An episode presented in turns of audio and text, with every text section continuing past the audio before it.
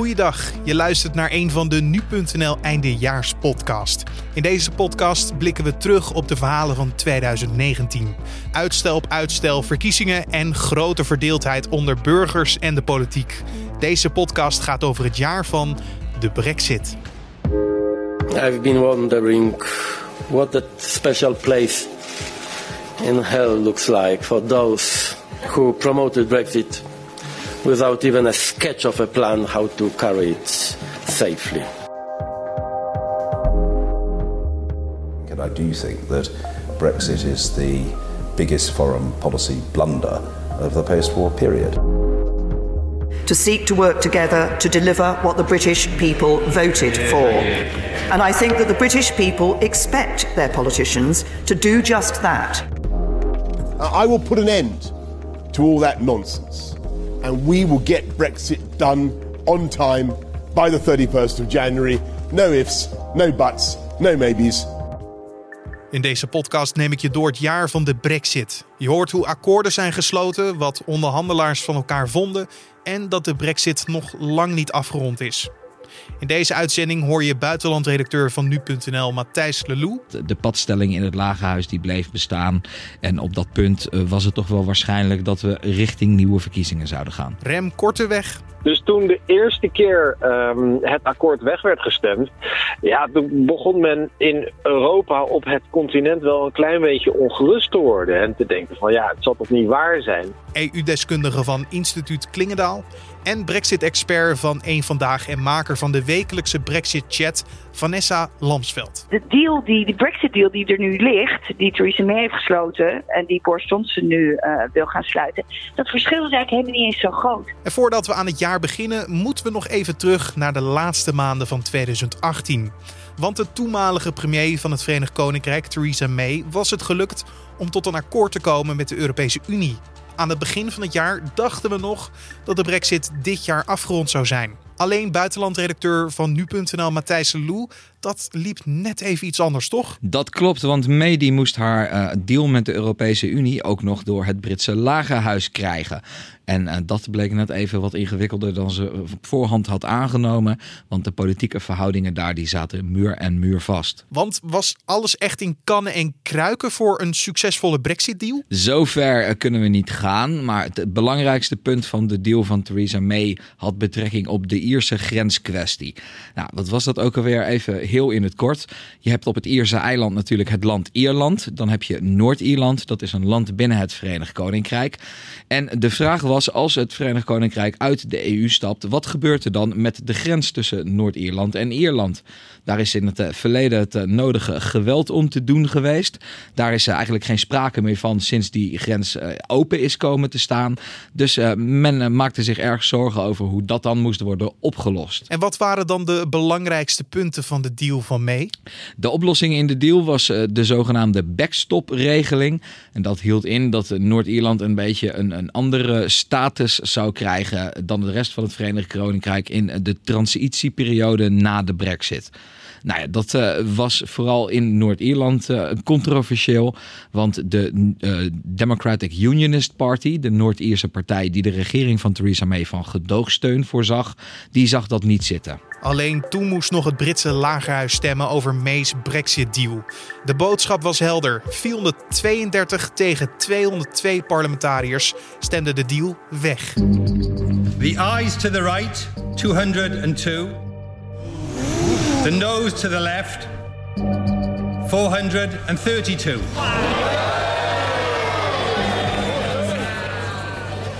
It is clear that the House does not support this deal, but tonight's vote tells us nothing about what it does support. This is a catastrophic defeat for this government. After two years of failed negotiations, the House of Commons has delivered its verdict on her Brexit deal, and that verdict is absolutely decisive. So now MPs have made clear what they don't want. We must all work constructively together to set out what Parliament does want.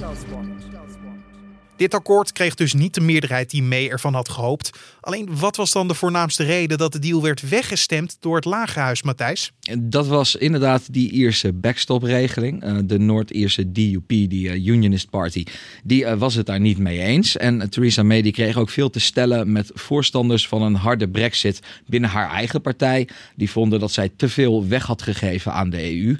En nou ja, zo kon het gebeuren dat Theresa May haar prachtige deal met de EU had, maar dat ze daar uiteindelijk helemaal niks meer mee opschoot. En in aanloop naar deze stemming hadden we een artikel op de site over wat zijn de scenario's die kunnen plaatsvinden. Eh, was dit dan ook gelijk de slechtste? Nee, in het algemeen wordt een no-deal Brexit, dus echt een Brexit eh, zonder enig akkoord met de Europese Unie, wordt beschouwd als het allerzwartste scenario. Dat zou eh, bijvoorbeeld op het gebied van handel betekenen dat het Verenigd Koninkrijk opeens terugklapt naar tarieven van de Wereldhandelsorganisatie. Die zijn heel ongunstig. Dus nou goed, dat gold altijd als het uh, zwartste scenario en dat doet het nog steeds. En eigenlijk willen alle betrokken partijen uh, toch wel hun best doen om dat te voorkomen op de meest uh, rabiate voorstanders van een brexit in het Verenigd Koninkrijk na. En was toen gelijk duidelijk dat er een nieuwe deal moest komen of was een no-deal ook gelijk een serieuze mogelijkheid? Het was zeker een mogelijkheid en dat is het heel lang gebleven. Dat is het ook nog steeds. Uh, de kans op een no-deal die is op verschillende momenten uh, dit jaar natuurlijk wel groter geweest dan op andere momenten. Maar waar Theresa May eigenlijk nadat haar deal de eerste keer werd weggestemd tegenaan liep, is dat ze eigenlijk geen ander pad meer had. Ze kon niet terug naar Brussel om de onderhandelingen te heropenen, want Brussel had al gezegd, nou dit is een beetje het best haalbare. En um, ja, ze moest de wet ook wel enigszins aanpassen, want ze kon hem niet zomaar meerdere keren voorleggen aan het parlement. Dus dan moest het een aantal concessies worden gedaan. Een aantal kleine aanpassingen. Zodat ze toch nog een paar keer kon proberen. Maar het beeld wat daaruit naar voren kwam. Uh, is toch wel dat Theresa May de premier werd. Die telkens met haar hoofd tegen een muur aanliep. En het wegstemmen van de deal zorgt ook voor twijfels over het leiderschap van Theresa May. Ze krijgt een motie van wantrouwen te verwerken. Die ze met een kleine meerderheid overleeft. Ik belde met Rem Korteweg, EU-deskundige van instituut Klingendaal. Want hoe reageerde de Europese Unie op het wegstemmen van de Brexit-deal? Ja, de 27 Europese leiders die waren voor de jaarwisseling um, heel blij met, dat ze eindelijk een akkoord hadden bereikt met uh, Theresa May.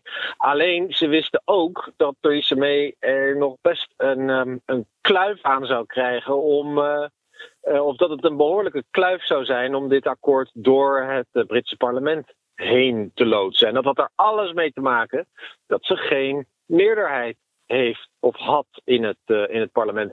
Dus toen de eerste keer um, het akkoord weg werd gestemd, ja, toen begon men in Europa op het continent wel een klein beetje ongerust te worden. En te denken van ja, het zal toch niet waar zijn dat uh, ondanks het feit dat we anderhalf jaar met elkaar onderhandeld hebben, dat Theresa May um, de steun van het parlement niet kan leveren. Ja, en de onderhandelaars van de EU zeiden al heel snel dat de bal nu ligt bij het Verenigd Koninkrijk. Waarom zeiden ze dat precies? Nou ja, dat is um, een. Uh, een consequentie van de logica van de instemmingsprocedure. Dus het was al eh, om het Brexit-akkoord geaccepteerd te krijgen, om het rond te maken, moesten er drie dingen gebeuren. Allereerst moet er een akkoord zijn waar de Europese regeringsleiders het allemaal mee eens zijn.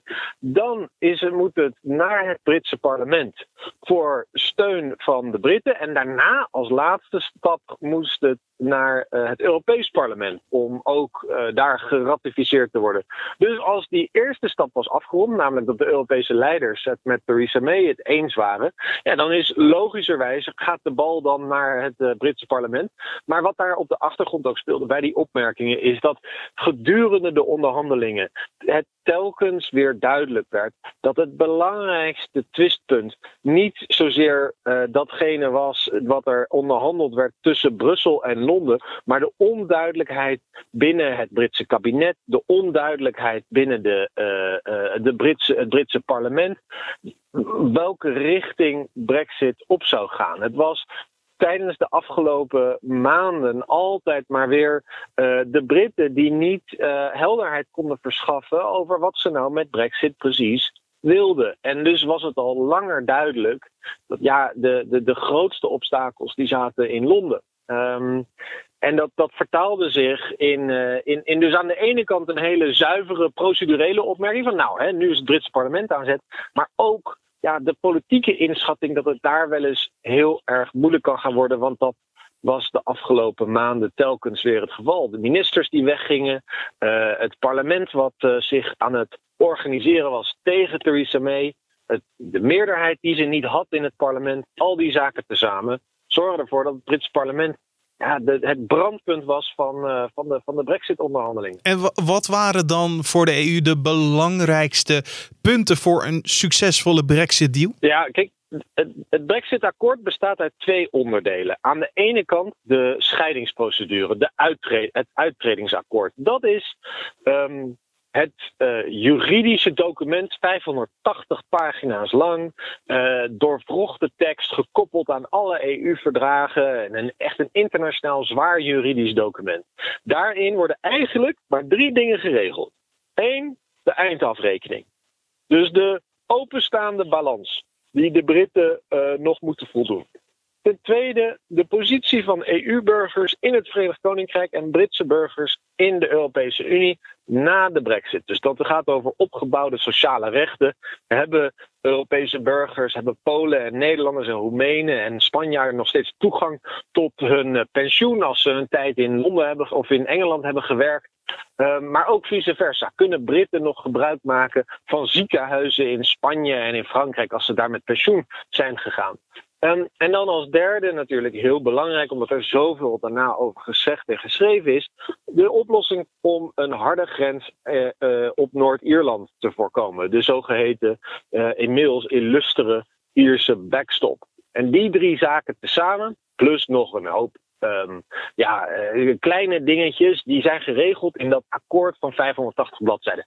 Het tweede deel, en dat is, heeft veel minder aandacht gekregen, en dat is nu de volgende fase van de Brexit-onderhandelingen waar we ingaan, is een beetje de eerste palen slaan over de toekomstige relatie, de toekomstige handelsbetrekkingen tussen Europa en het Verenigd Koninkrijk, maar ook samenwerking op veiligheidsgebied, uh, uh, op politie, uh, samenwerking. En dat dat, dat, dat moet nog allemaal uitgekristalliseerd worden. En dat is de volgende fase van Brexit.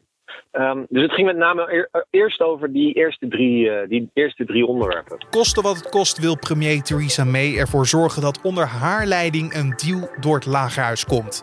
Zo gaat ze op en neer naar Brussel om verder te onderhandelen met de EU. Om te kijken of iemand toch water bij de wijn kan doen. Uiteindelijk brengt ze haar conceptakkoord drie keer tot stemming. Waarom drie keer, Matthijs? Ja, ze wilde zelfs nog een vierde keer, maar daar uh, kwam het niet echt van. Waarom heeft ze het drie keer geprobeerd? Ze, kon weinig anders. En uh, een Engelse komiek, uh, Andy Saltzman, die zei het zo. Die vergeleek Theresa May met een brandweerman die bij een brandend gebouw staat. En die roept, nou ik heb nu al drie bananen naar binnen gegooid, maar het vuur is nog steeds niet uit. Waar is mijn vierde banaan? Ja, dat schept in ieder geval wel een goed beeld van de, van de situatie toen in het Verenigd Koninkrijk. Want je zou ook denken bij een nieuwe deal dat er dan ook altijd weer andere details bij zou worden toegevoegd of Alleen zo anders waren die akkoorden niet, hè? Nee, er werd een beetje geschoven. Um, de uh, toenmalige spreker van het Lagerhuis, John Burko, ons allen wel, wel bekend van zijn orde. Die uh, zei uh, van, nou, het is niet toegestaan dat uh, de regering van May hetzelfde akkoord meerdere keren voorlegt aan het Lagerhuis. Want hè, dan kan een regering dat blijven doen, net zolang totdat ze een keer een ja krijgen. Nou, dat betekende dat de regering van Theresa May allemaal kleine aanpassingen moest doen. En nou ja, er net in slaagde om dat elke keer weer in stemming gebracht te krijgen. Maar het schoot allemaal niet erg op. En was toen al duidelijk dat Theresa May haar verlies zou moeten nemen? Het was in ieder geval onduidelijk welk pad voorwaarts er nou nog precies precies voor Theresa May was. En uh, nou ja, nadat haar uh, akkoord voor de laatste keer werd weggestemd, trok zij zelf ook die conclusie en uh, besloot zij om af te treden. Na twee moties van wantrouwen te hebben overleefd, kondigt May op 24 mei aan dat ze begin juni haar premierschap neerlegt. Vandaag was er een nieuw dramatisch hoofdstuk in het Brexit-verhaal. Premier May houdt het voor gezien. Over twee weken stapt ze op. Ook binnen haar eigen partij is de steun zo ver afgebrokkeld dat ze geen keus heeft. But it is now clear to me that it is in the best interests of the country for a new prime minister to lead that effort. So I am today announcing that I will resign as leader of the Conservative and Unionist Party on Friday the 7th of June so that a successor can be chosen. We're changing a leader that it's going to get another leader and it's not going to change anything. You've still got to deal with the problem of Brexit. I will shortly leave the job that it has been the honour of my life to hold. The second female Prime Minister, but certainly not the last. I do so with no ill will, but with enormous and enduring gratitude to have had the opportunity to serve the country I love. Vechtend tegen de tranen en met knikkende knieën zagen wij Theresa May afscheid nemen als premier. Ik belde met Vanessa Lamsveld, Brexit-expert van Eén Vandaag en maker van de wekelijkse Brexit-chat. En ik vroeg haar wat Theresa May uiteindelijk haar spreekwoordelijke kop heeft gekost. Ja, ik denk toch haar stugheid. Ik bedoel, als je het even vergelijkt met Boris Johnson nu en Theresa May. Ik bedoel, Boris Johnson is natuurlijk uh, nou ja, het toonbeeld van charme en flair. Nou, Theresa May is natuurlijk het tegenovergestelde.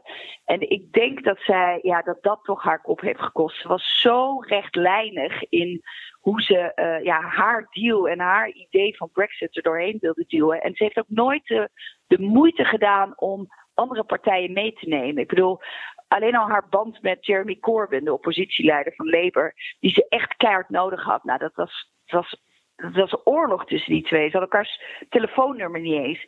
Maar politiek gezien is dat natuurlijk ongelooflijk onhandig. Dus daarom ja, liep ze toch keer op keer tegen diezelfde muur op. En doordat ze haar deal drie keer tot stemming heeft gebracht, kwam ze ook wel uh, koppig over. Was ze dat ook of juist duidelijk? Ik denk dat ze wel op zich duidelijk was, alleen wel voor een publiek die het niet wilde horen per se. Ik bedoel, als je goed luistert naar wat ze zei, uh, dan had ze best wel een prima plan. En ook als je nu naar het, de Brexit-deal kijkt, die Boris Johnson er zeker door gaat krijgen, ja, dat verschilt bijna niks van de deal van Theresa May. Dus dat is natuurlijk eigenlijk heel frank. Uh, het enige is, ja, ze wist het gewoon politiek niet te verkopen. En ja, dat is natuurlijk, je kan inhoudelijk uh, wel, wel het goed hebben, zeg maar. Maar ja, als je de mensen niet meekrijgt, en dat, ja, dat miste zij gewoon echt.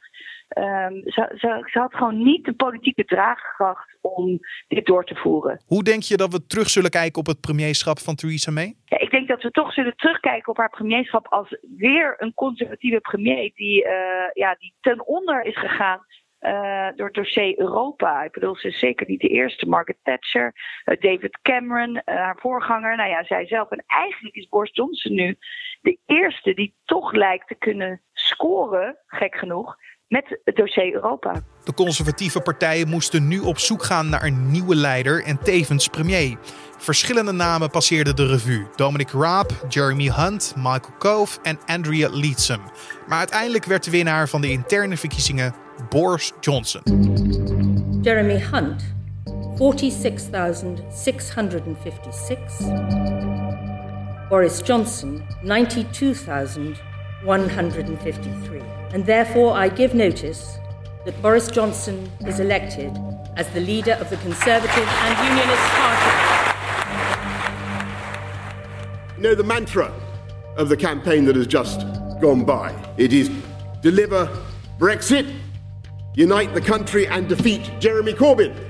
And that is what we're going to do. They're saying Britain Trump. They call him Britain Trump, and people are saying that's a good thing. That they like me over there. That's what they wanted. That's what they need. It's what they need. He'll get it done. Boris is good. He took a long time deciding whether he was for or against Brexit, uh, and now his position is clear. I think the position of the EU is also clear. Uh, the United uh, Kingdom reached an agreement with the European Union, and the European Union will stick uh, to that agreement. Boris Johnson kenden we als de excentrieke ex-burgemeester van Londen. En iemand die altijd wel een uh, bijzondere uitspraak paraat had. Maar hoe groot was dan de overgang van Theresa May naar Johnson? Ja, die was van dag naar nacht. En uh, wat, wat ik zelf heel opmerkelijk vind als ik terugkijk op dit jaar. Is uh, de eerste helft van het jaar natuurlijk Theresa May gaat als premier. Nou ja, toen in juli nam Boris Johnson het stokje over. Maar als je bedenkt wat een verschil in leiderschap kan doen. Want de deal, die, die Brexit-deal die er nu ligt, die Theresa May heeft gesloten en die Boris Johnson nu uh, wil gaan sluiten, dat verschil is eigenlijk helemaal niet eens zo groot. Maar een leider zoals Boris Johnson met charisma, met ja, overtuigingskracht, met politieke draagvlak, ja, die krijgt opeens zoveel meer voor elkaar dan Theresa May uh, ooit is gelukt. Dus dat vind ik wel, uh, ja, toch, uh, dat neem ik dit jaar mee van het hele Brexit-verhaal. En zagen de Britten hem dan gelijk als de man die de Brexit kon regelen voor ze? Nou ja, dat is maar net aan wie je het vroeg, hè. Want Boris Johnson staat bekend als de marmiet-politicus. Het is dat marmiet, dat vieze spulletje wat je op je brood smeert. Althans, de een vindt het heerlijk en de andere vindt het uh, niet, uh, niet te eten. Uh, en in Engeland noemen ze Boris Johnson een marmite politician. Namelijk, je vindt hem of fantastisch of je vindt hem afschuwelijk. En ja, zo keken de Britten ook wel tegen hem aan. De ene groep die zag in hem eindelijk een sterke leider. Iemand met charisma. En iemand die ook echt die brexit door gaat voeren. En ook iemand die voor Brexit heeft gestreden tijdens de Brexit-campagne, in tegenstelling tot Theresa May. Maar ja, de andere, andere groep in Groot-Brittannië die zag het gewoon als een uh, ongelooflijk opportunistische, leugenachtige, ja, bijna Trumpiaanse politicus. Want wat was zijn standpunt dan rond de Brexit? Ja, hij was daar heel duidelijk in. Get Brexit done, met die drie woorden. Dus zorg, als je op ons stemt, dan wordt Brexit doorgevoerd. Dus uh, ja, gewoon heel eenduidig. Als je op ons stemt, uh, dan hebben we niet meer dat gedoe in het parlement en uh, met Europa. Maar een stem op mij betekent gewoon dat Brexit een feit gaat zijn. Nou ja, en dat zien we dus nu ook. Dat dat, hem, dat, dat ook echt zijn plan is. En de Britten reageerden er dus hoopvol op. Maar hoe keek Brussel naar de man die de brexit voor het Verenigd Koninkrijk moest regelen? Rem kan ons de reactie van de Europese Unie vertellen. Ja, de Europese Unie die zag de bui natuurlijk al hangen toen duidelijk werd dat hij um, uh, samen met Jeremy Hunt uh, de laatst overgebleven kandidaten waren. En met Boris Johnson had de Europese Unie al enigszins ervaring. Hij was natuurlijk minister van Buitenlandse Zaken geweest, maar belangrijker nog, hij was de uh, belangrijkste roerganger van de Leave campagne. Uh, de, de, de campagne die um, zich inzette voor de brexit in, in 2016. En de eerste reactie was natuurlijk uh, eentje van, um, ja, en dat is dan, dan diplomatiek, van nou, hè, ze hebben een nieuwe leider gekozen, dat accepteren wij. Maar op de achtergrond hoorde je toch wel um, bepaalde zorgen die geuit werden. Dat nu Boris Johnson, de grote aanvoerder van de Brexit Leave-campagne, dat die het nu voor het zeggen zou gaan krijgen. En dat daar, daarmee um, werd het wel uh, duidelijk dat onder Boris Johnson de Britten een hardere koers zouden kunnen gaan varen in de onderhandelingen, maar ook op het gebied van Brexit. Boris Johnson wordt gezien als een enigszins um, on uh, ja, onberekenbare politicus. Hij kan links gaan, hij kan rechts gaan. Het is onduidelijk wat precies zijn, uh, zijn visie is op um, het premierschap. Dus dat speelde ook wel mee, een stukje onzekerheid. Uh, en uiteindelijk, kijk, nogmaals, het zijn professionals ook bij de Europese Unie. De, wat we gezien hebben publiekelijk is, een, um, is met name een diplomatieke reactie van nou, u bent de nieuwe premier. Uh, we zien er naar uit om met u samen te werken. Op de achtergrond toch wat uh, verontrusting van wat gaat, wat gaat er nou gebeuren. En hoe zagen vanaf dat moment de onderhandelingen eruit tussen het Verenigd Koninkrijk en de Europese Unie? Nou, Boris Johnson die kwam binnen met het, um, het doel om Brexit te leveren. En hij zat wel in het hele lastige parket, namelijk hetzelfde parket waar Theresa May in zat, dat hij geen meerderheid heeft en had in, de, uh, in het Britse parlement. Dus zijn partij, zijn conservatieve partij, die had, uh, uh, was, was, was telkens was duidelijk dat, dat die geen meerderheid, of nou, die had geen meerderheid in het, in het parlement. En zodoende kon hij maar moeizaam ehm, ja, de, de, de, de vereiste stappen zetten om Brexit ook door het parlement te loodsen. Heel simpel gezegd, toen Boris Johnson premier werd, um, was er geen verschil met Theresa May. Dezelfde beperkingen die Theresa May had, uh, namelijk een minderheid uh, in, het, in het parlement, die golden ook voor Boris Johnson. En Boris Johnson die zei: um, Ik wil gaan heronderhandelen. Ik wil heronderhandelen met de Europese Unie, met name op de oplossing om de harde grens met Noord-Ierland te voorkomen, of tussen Noord-Ierland en Ierland. En ja, in eerste instantie zei de, zei de Europese Unie: van nou. Um, daar valt niet zo heel veel te onderhandelen. Uh, want wij zijn niet van plan om dat uitbreidingsakkoord open te breken. En dat is toch gebeurd. Uh, en dat komt omdat Boris Johnson toch heel standvastig was, daarop bleef hameren en zei: anders komt er gewoon uh, een harde, een, de hardst mogelijke Brexit met een, met een no-deal.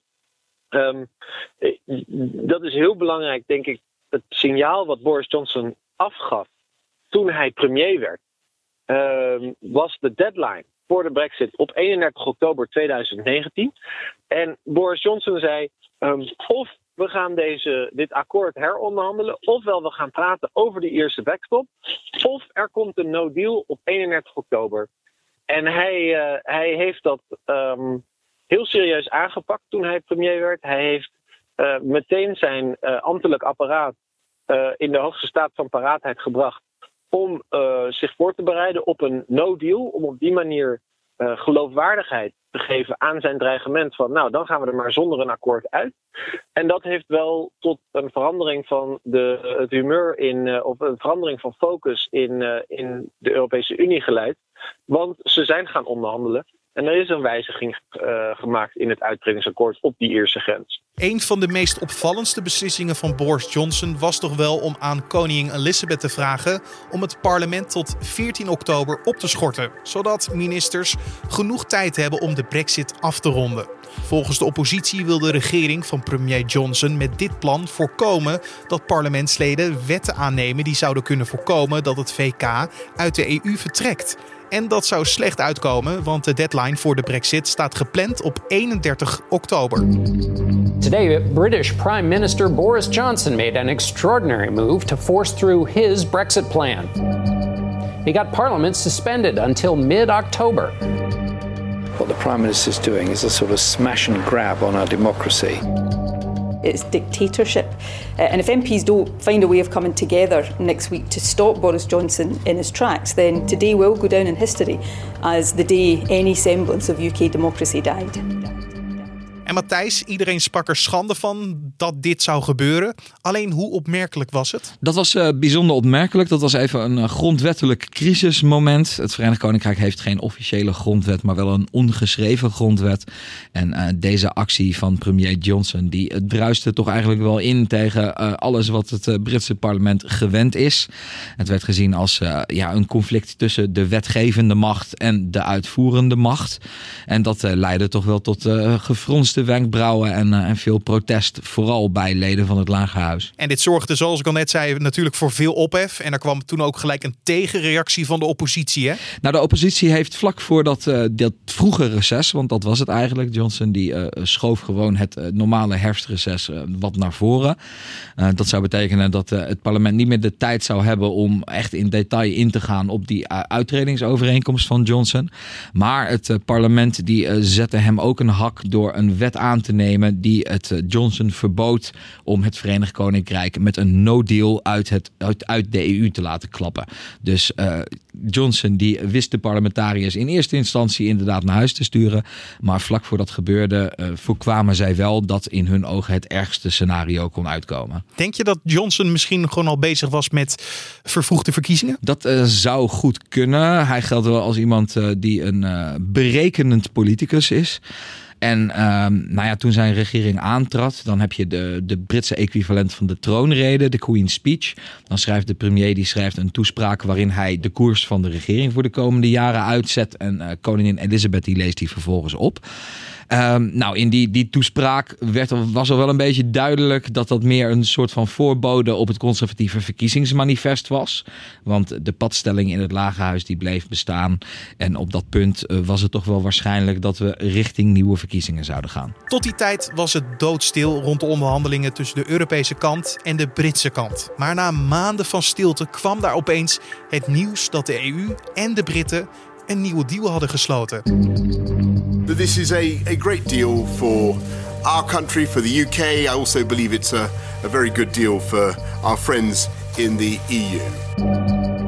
People are in favor of Brexit or against Brexit. It's really not the matter. This is now if we are going to have a deal or a no deal. And we believe the deal he's proposed is heading Britain in the direction of a deregulated society with a sell off of national assets to American corporations. So, as it stands, we cannot support this deal and will oppose it in Parliament on Saturday. What happens if this doesn't pass through Parliament? I'm not in charge of the parliamentary ratification in, in Britain. That's the job of. But do you believe that it will? I, I, I hope it will. I'm convinced it will. But it has to. En je kan wel zeggen, na maanden van onduidelijkheid was misschien dit wel het moment waar iedereen op hoopte. Rem, wat was uiteindelijk de uitkomst van de nieuwe deal? Ja, 95% van het uittredingsakkoord is hetzelfde gebleven ten opzichte van datgene wat Theresa May heeft onderhandeld. Maar de um, devil is in the details. En die 5% die wel veranderd zijn, die waren wel wezenlijk veranderd. En dat heeft met name te maken met de oplossing die gevonden is om een harde grens op het, uh, op het Ierse eiland te voorkomen. Dus tussen Noord-Ierland en de Republiek Ierland.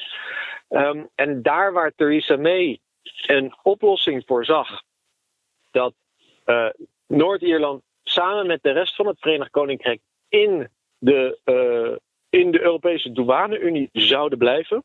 Wat volgens Boris Johnson en een groot gedeelte van zijn aanhangers niet echt Brexit is. Daar tegenover zette Boris Johnson een, um, een uh, oplossing die in feite inhoudt dat Noord-Ierland op grotere afstand van Groot-Brittannië wordt geplaatst. In feite is Boris Johnson akkoord gegaan met het trekken van een douanegrens tussen Noord-Ierland en uh, de rest van het Verenigd Koninkrijk.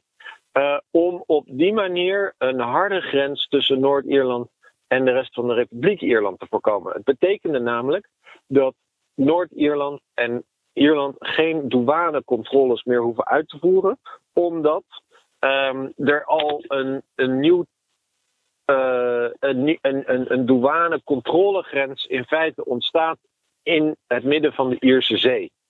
En dat is een, een belangrijke wijziging ten opzichte van het akkoord van Theresa May. Want Theresa May heeft altijd gezegd: ik um, wil kosten wat het kost voorkomen dat er afstand ontstaat tussen Groot-Brittannië en Noord-Ierland. Wat Boris Johnson gedaan heeft, is geaccepteerd dat Noord-Ierland onder een ander douanestelsel gaat vallen en andere regelgeving zal volgen als gevolg van de Brexit dan de rest van Groot-Brittannië. En ondertussen in het VK werd deze deal weer weggestemd en moest Johnson verplicht het EU om uitstel vragen. Wat was hun reactie toen? Ja, er was in eerste instantie nogal wat uh, over te doen dat uh, Boris Johnson uh, twee brieven stuurde waarin hij dat verzoek voor uitstel deed. Er was één brief waarin hij formeel uiting gaf aan hetgene wat het Britse parlement hem oplegde, namelijk je moet uitstel vragen. En daarachteraan had hij een brief geschreven van nou, uh, dit, uh, dit, dit, dit moet ik dan wel doen van het parlement, maar ik sta er niet achter. Ik wil het eigenlijk helemaal niet. En uh, ik vind het maar wat vervelend. Daar, daar was in eerste instantie wat, wat, um, wat discussie over. Heel snel werd duidelijk dat bij monden van Donald Tusk, de, de, de voorzitter van de Europese Raad, um, dat men gewoon dat uitstel ging verlenen tot 31 januari 2020. Het uitstel wat verleend werd aan Boris Johnson is de derde keer dat de Brexit deadline werd uitgesteld.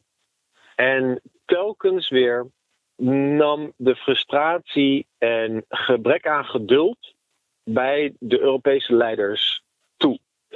Dus um, de eerste keer dat er uitstel werd verleend in maart 2019, toen was al duidelijk dat er een aantal landen waren uh, die zich daar maar schoorvoetend uh, bij konden neerleggen, met name Frankrijk.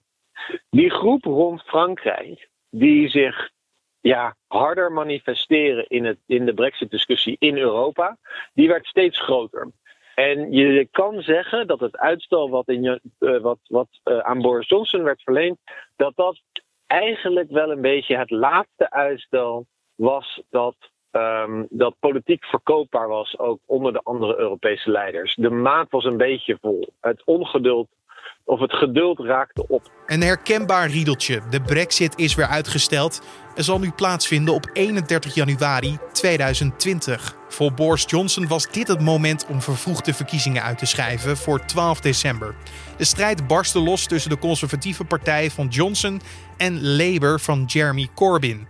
De kiezer was echter vrij duidelijk wie hun voorkeur had. Die liet er inderdaad geen twijfel over bestaan. Ehm, ik was zelf eh, in het Verenigd Koninkrijk om verslag te doen van de verkiezingen. En ik merkte dat bijna elke Brit met wie ik sprak uh, zei, los van partijvoorkeur, wat we vooral willen is dat dit eindeloze Brexit-circus eindelijk een keertje voorbij is. Nou, dat uh, heeft, hebben de, de, partijen geweten uh, toen de kiezer in het kieshokje ging staan. Uh, de regering van Boris Johnson, de conservatieve partij, die kreeg maar liefst 43,6% van de stemmen. En belandde uiteindelijk op een zeer comfortabele meerderheid van 365 zetels. De grote verliezer was de grootste oppositiepartij van het land, Labour. Die kreeg 32% van de stemmen en zakte terug naar een hele magere 203 zetels. De grootste verkiezingsnederlaag voor de partij uit de moderne Britse geschiedenis. En heeft Johnson dan nu ook vrij baan gekregen om zijn Brexit-deal er doorheen te krijgen? Ja, dat uh, kun je zeer zeker stellen. Um, nou, wat, even kort met de verkiezingen. Kijk, je hebt in het noorden, het midden van Engeland, het noorden van Wales, heb je een aantal kiesdistricten die uh, nou in de afgelopen 100 jaar, laten we zeggen, altijd voor Labour hebben gestemd. Die kiesdistricten die liepen tijdens de verkiezingen voor het eerst massaal over naar de conservatieven. Dat, die gebieden die werden altijd de Red Wall genoemd, hè, om uh, de conservatieve opmars te stuiten. Maar Boris Johnson die reed op zijn Brexit-bulldozer dwars door die rode muur heen. De brexit uh, bleef, ondanks pogingen van Labour om het bijvoorbeeld over de zorg te hebben, gewoon veruit het belangrijkste thema en gaf uiteindelijk de doorslag. Dat het Lagerhuis voor de deal zou stemmen was al de verwachting, gezien Johnson bij de verkiezingen een meerderheid wist te halen. In de tweede week van januari zal het Lagerhuis nog drie dagen debatteren over de deal, waarna nog een stemming zal plaatsvinden. Gezien de meerderheid van Johnson zal dit enkel een formaliteit zijn. Daarna zal het Hooghuis zich nog buigen over de deal en ook moet het Europees parlement nog officieel stemmen over het vertrek van de Britten. Maar het is nu zo goed als zeker dat het Verenigd Koninkrijk de EU op 31 januari 2020 zal verlaten.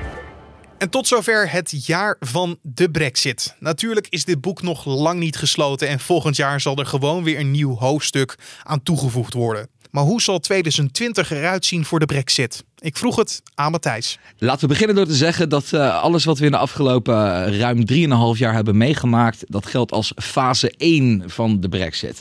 Dat betekent dat we in 2020 overgaan naar fase 2, die net zo belangrijk zal worden. Uh, als alles volgens het plan van premier Johnson gaat, en het ziet er nou uit dat dat gaat gebeuren, dan treedt het Verenigd Koninkrijk op 31 januari officieel uit de EU. Dan komt er een transitieperiode van een jaar. En in dat jaar moet er een uitgebreid vrijhandelsakkoord met de EU worden onderhandeld, opgetuigd en in de praktijk worden gebracht. Dat geldt als enorm ambitieus, want normaal gesproken kan het zo 5, 6, 7 jaar duren voordat je zo'n vrijhandelsakkoord hebt. Dus de, de mes ligt weer aardig op de keel van uh, alle partijen aan de onderhandelingstafel. Premier Johnson die speelt het spelletje alvast hard. Die heeft gezworen dat hij die transitieperiode van een jaar onder geen beding zal verlengen. En dat uh, betekent dat er ook weer dat spook van die no-deal Brexit uh, op de loer ligt. Dat is nooit helemaal verdwenen. Deze podcast werd je aangeboden door nu.nl en is onderdeel van een eindejaarsreeks. De andere afleveringen van deze reeks kun je vinden op nu.nl en in de Dit wordt het nieuws podcast feed van je favoriete podcast app. Speciale dank aan Matthijs Lou, Vanessa Lamsveld en Rem Korteweg. Mijn naam is Carne van der Brink en dank voor het luisteren.